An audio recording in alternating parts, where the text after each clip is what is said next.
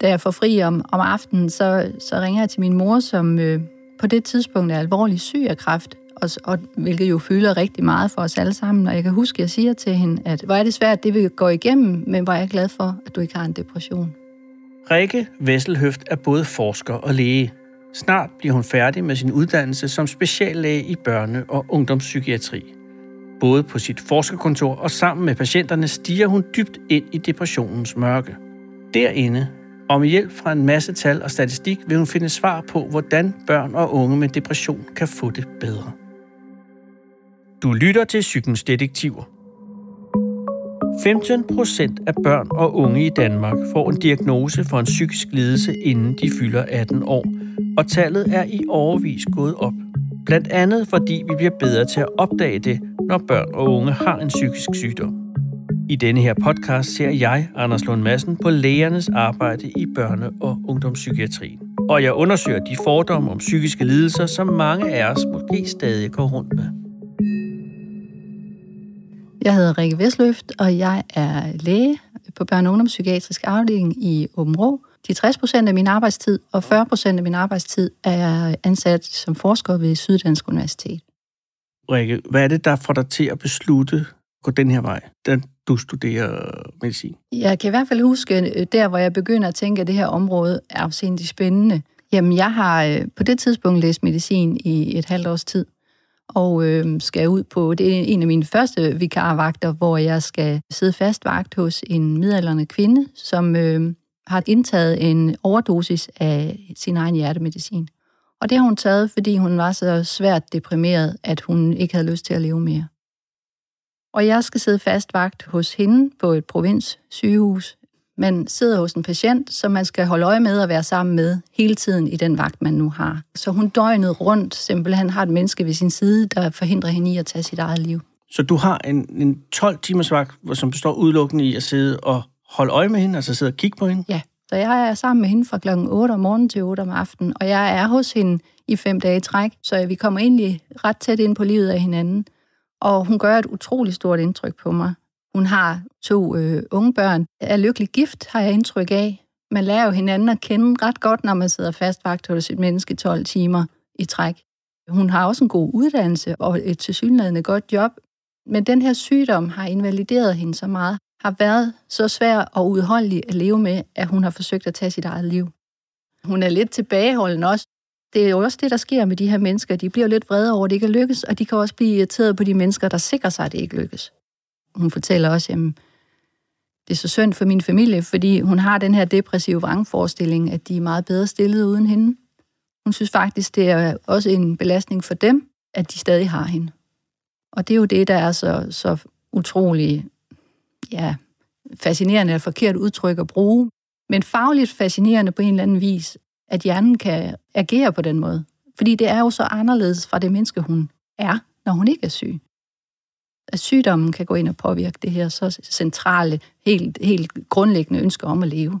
Så jeg kan huske, at jeg bare tænker, at hvor, hvor må det være forfærdeligt at have det så skidt, så du egentlig tænker, at det er den eneste udvej, og hvor må det være forfærdeligt at have en mor, der er så syg, så hun kan have lyst til at, at dø fra en.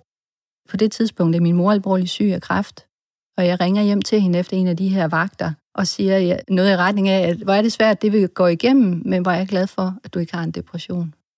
Og jeg tror, at det, der gjorde så dybt et indtryk på mig, det var, at selvom min mor var alvorligt syg, så havde hun jo et ønske om at leve. Hun havde jo et ønske om at være sammen, og hun havde et ønske om at skulle klare sig.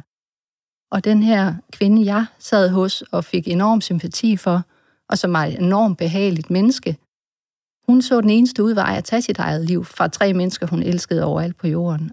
Og det gjorde så dybt et indtryk, at man kan være så syg, at man kan have det sådan.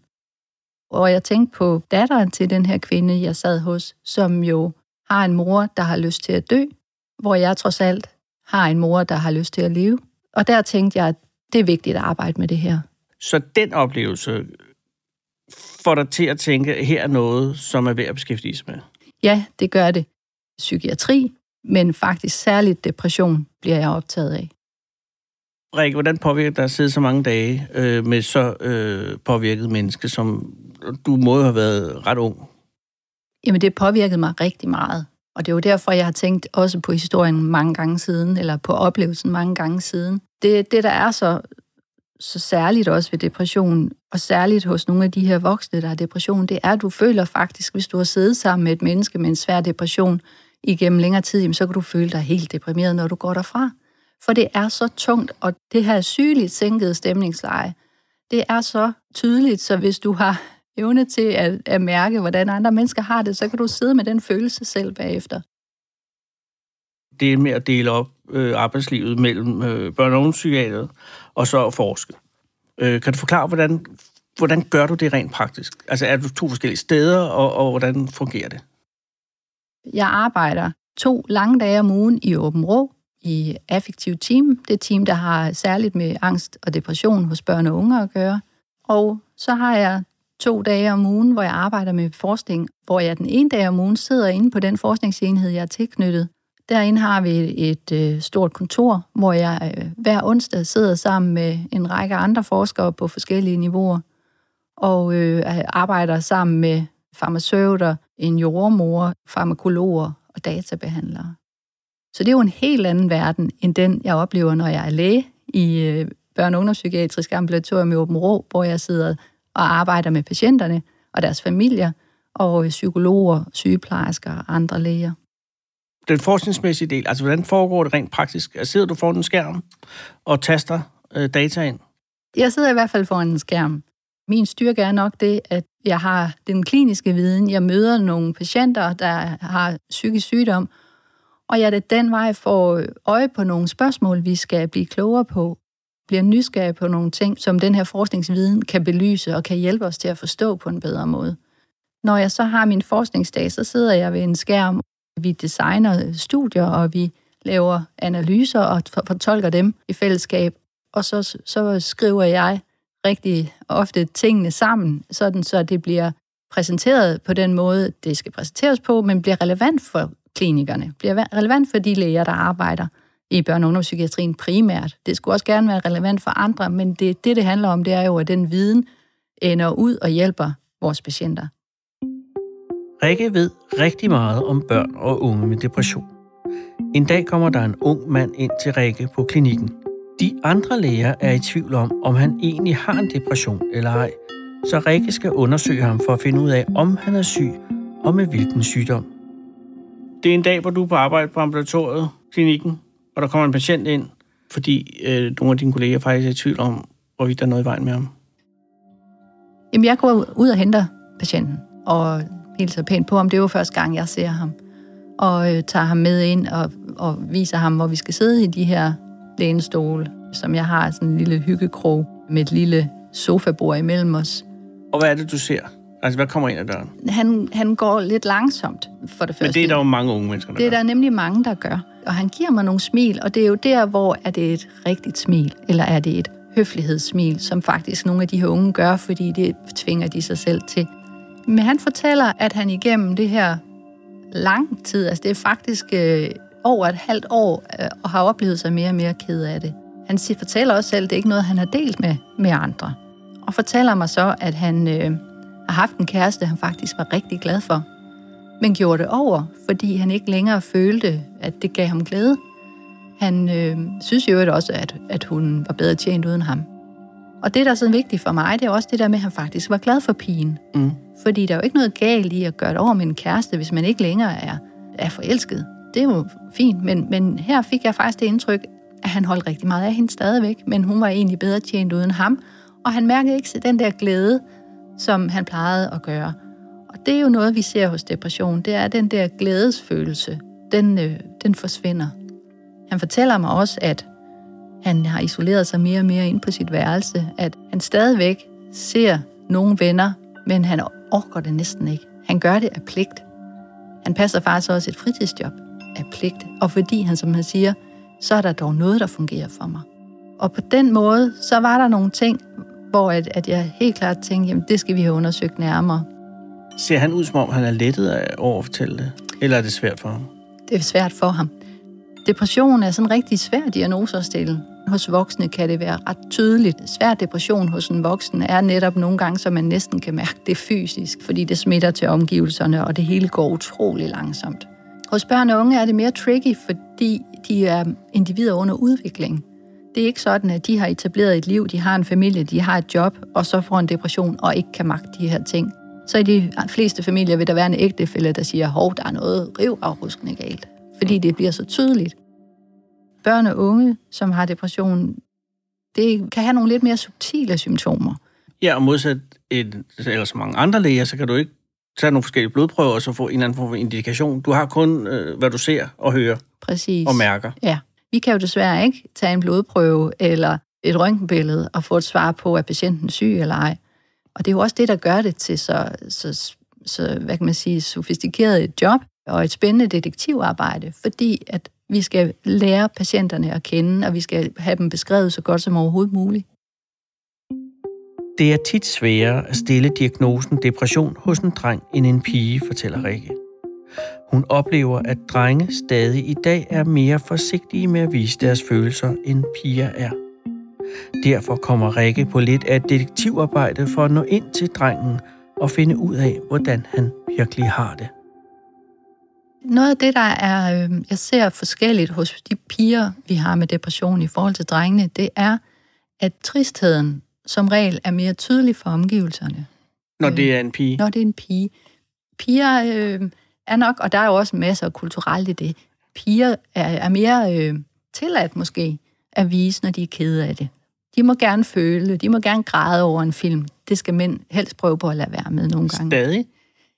Ja, det, det oplever jeg stadig hos de unge især. Altså de unge fyre, de vil godt nok meget nøde tabe ansigt, eller hvad vi skal kalde det. Så noget af det, der er ret tydeligt, synes jeg, det er, at fyrene, de unge mænd med depression, unge drenge, der skal jeg lede lidt mere for at få beskrevet den her tristhed, fordi også omgivelserne ikke altid har set den på samme måde. Og det var det også med ham her. Hans forældre havde godt fornemmet, at han var mindre energisk, mindre glad, men de var ikke klar over, hvor trist han egentlig var. Han havde faktisk en moderat til svær depression.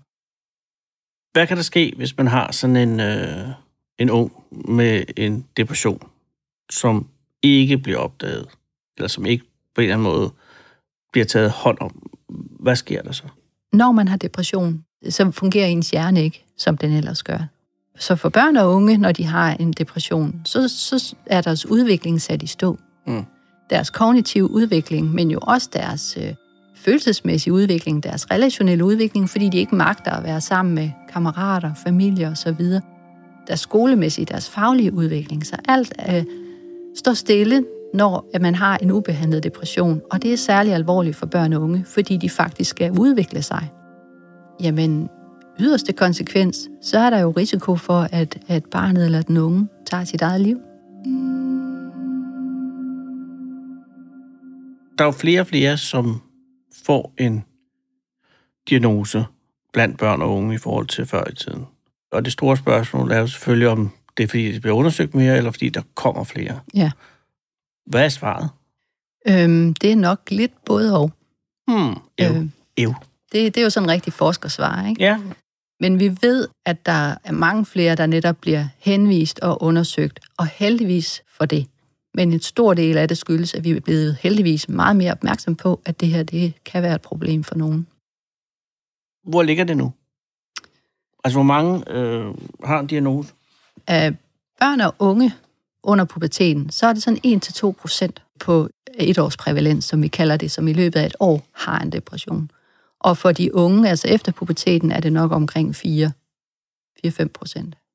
Men hvorfor er der ikke nogen, der skar i sig selv for 50 år siden? Det tænker jeg bestemt også, der var. Så der har de bare skåret sig selv, uden at man har opdaget det? Ja, jeg tænker, at der har været selvskade også tidligere, men man har skjult det. Man har jo det hele taget måske i højere grad skjult psykisk sygdom, ligesom man også nogle, stadigvæk gør i andre kulturer, fordi det har været så tabuiseret at have det svært psykisk. Så det har der været, men jeg tænker også, at vores unge mennesker presses også i dag på en anden måde, end de er blevet tidligere. Men grundlæggende en god ting, at der er flere diagnoser nu, end der var før? Jeg tænker, det er grundlæggende en god ting, at vi beskriver de her børns vanskeligheder. Og ja, det vi kan beskrive det med bedst, mener jeg, er diagnoserne. Fordi det er faktisk først, når vi får beskrevet vanskelighederne, vi egentlig identificerer dem, og dermed også går til det næste skridt, der er at hjælpe børnene. fordi diagnosen har betydning for, hvilken hjælp, der er den rigtige. Det vi oplever, når vi har efter et udredningsforløb har samtale med barnet og dets forældre og prøver at præsentere for dem, hvad det er, vi tænker, barnet fejler. Det er faktisk, øh, modsat hvad nogen måske vil tro, ofte en lettelse. Og især når vi også taler depression, så er det jo noget, der kan give utrolig dårlig samvittighed hos forældrene. Hvad har vi gjort galt? Og det handler jo ikke om noget, de har gjort galt. Det handler om, at depression er en psykisk sygdom. Og det er også en stor, ofte en stor lettelse for barnet at sige, at det er ikke dig, der ikke vil nok, eller ikke arbejder hårdt nok, eller er doven. Det er ikke dig, der er noget galt med. Du har en sygdom, og det må vi behandle lige så vel, som vi vil behandle det, hvis du havde brækket benet. Og hvad er det øh, rent praktisk, øh, din forskning handler om? Altså, hvad er det, I prøver at finde ud af? Jeg har ligesom to spor i min forskning. Det ene spor er baseret på et samarbejde, jeg har med Columbia University i New York, hvor vi øh, prøver at undersøge, hvad det betyder for børn og unge, hvis deres mor har fået SSRI, altså lykkepiller, i graviditeten. Det andet spor, det går på at belyse forbruget af medicin til børn og unge med psykisk sygdom. Oh. Der har vi kigget blandt andet på forbruget af SSRI, altså de her lykkepiller, som jo også har været enormt omtalt. Og det vi gør, det er, at vi kigger både på, hvordan ser det ud i Danmark, men vi prøver at sammenligne med Norge og Sverige, som vi jo ellers synes, vi er ret sammenlignelige med. Men vi finder faktisk, at der er ret stor forskel på, hvor meget medicin der bruges. Oh. Og det gør jo, at jeg bliver nysgerrig og tænker, hov, hvad sker der her? Hvad er forskellen? Jamen forskellen er, at i forhold til SSRI, lykkepiller, så bruger Sverige markant mere til børn og unge, end vi gør i Danmark og Norge. Ah, det tænker jeg nok. Men, men... Jeg blev lidt overrasket. Det er mere end dobbelt så meget. Hold da bedst. Ja. Og det er til børn og unge? Det er til børn og unge. Og, og har I nogen idé om hvorfor? Vi tænkte i første omgang, hold da op, de går amok i Sverige. Præcis. Øh, de må da nok overbehandle deres børn og unge. Men omvendt, så viser vores, de danske tal, at vi bruger mindre og mindre antidepressiv medicin til børn og unge, på trods af, at forekomsten af depressionsdiagnoser er stigende. Så man kunne også have en hypotese, at måske underbehandler vi, altså måske behandler vi for få børn og unge i Danmark med depression, med medicin, som vi ved er hjælpsomt. Og der er også den lille krølle på det, at i Sverige har de dobbelt så mange børn- og ungdomspsykiater per barn og ung, end ja. vi har i Danmark. Så måske er det netop det, der gør, at dem, der har brug for medicin til deres øh, depressionsbehandling, faktisk får det. Det er jo sindssygt interessant. Mm. Øh, men der er I kun, fornemmer jeg, i, i, i omegnen af lysningen til at komme ind til en egentlig forklaring. Ja, det er vi nemlig. Så det kan være noget, øh, som, som du skal beskæftige dig med i, i 10, 20, 30 år fremover måske? Jamen, det, det håber jeg. Hvis danske, norske og svenske børn er ens i forhold til, hvor hyppigt de får depression, hvor meget de har brug for medicin, så er der jo nogle af os, der gør noget forkert. Mm. Jeg kan da ikke forestille mig noget tungere at gå på arbejde med end et deprimeret barn. Mm. Altså, det, det gives ikke mere opad bakkeagtigt. Mm. Hvad pokker tiltaler dig i det? Jamen, jeg tror, det er netop også det, der tiltaler mig. Det er et område, der har været underprioriteret. Det er også et område, som måske har været set lidt skævt til, også i min egen branche. Altså, der har der også været, jamen dem, der blev psykiater, de havde nok selv lidt nogle issues af en eller anden slags, ikke? Eller, ja, men det var dem, der ikke sådan rigtig turde at stå i skadestuen, jamen de blev så måske psykiater, eller i børnepsykiatrien, så kunne man sidde og snakke sludder for en slader. Nogle af de fordomme, jeg kan møde, jamen det er, at, at børne- og ungdomspsykiater, deres faglighed er nok lidt halvdårlig. Okay. Det er nok sådan lidt, jamen det kan man altid blive. Hvor kommer det fra? Jamen, jeg tror, det kommer af, at det er et, øh, et ret nyt speciale. Det er et ung speciale. For 20 år siden troede man ikke, at børn kunne få depression. 20 år? Ja. Man troede ikke, at deres hjerner var kognitivt udviklet til, at de kunne blive deprimeret. Man tænkte hver gang et barn havde symptomer, der var forenlige med en depression, så tænkte man, at det er nok, fordi forældrene er blevet skilt, eller det er nok noget socialt. Det skal vi bare snakke os fra, her nær sagt. Det, det var sådan, tilgangen var. Men så er man jo blevet klogere og fundet ud af, jo, børn kan ved Gud godt få en depression. Og hvis de gør det, så er der faktisk også risiko for, at de får det igen senere.